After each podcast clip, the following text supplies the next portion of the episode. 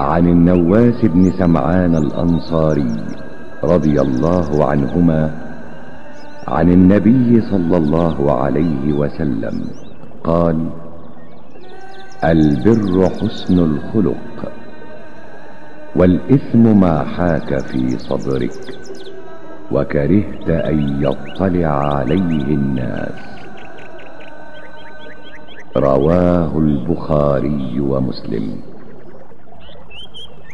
وعن وابصة بن معبد رضي الله عنه قال أتيت رسول الله صلى الله عليه وسلم فقال جئت تسأل عن البر؟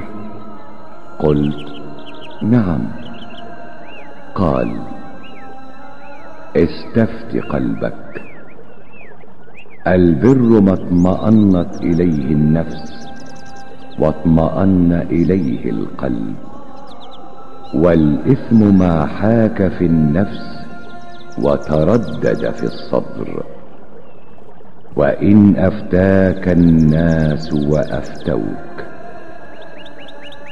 حديث حسن رويناه في مسندي الإمامين أحمد والدارمي بإسناد حسن.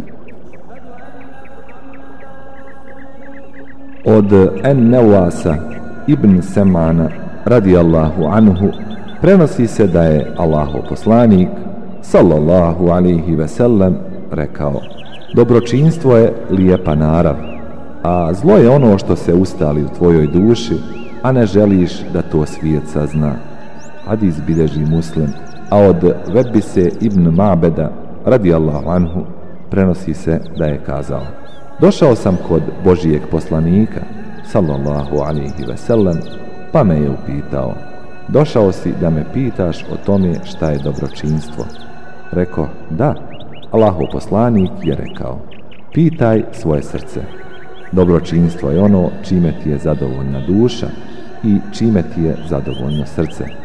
A zlo je ono što se ustali u čovjeku i koleba se u prsima, pa makar ti to ljudi i odobravali. Ovaj je hadis Hasan, a zabilježili su ga dvojica imama u svojim musnedima, imam Ahmed ibn Hanbel i Ed Darimije sa pouzdanim lancima prenosilaca.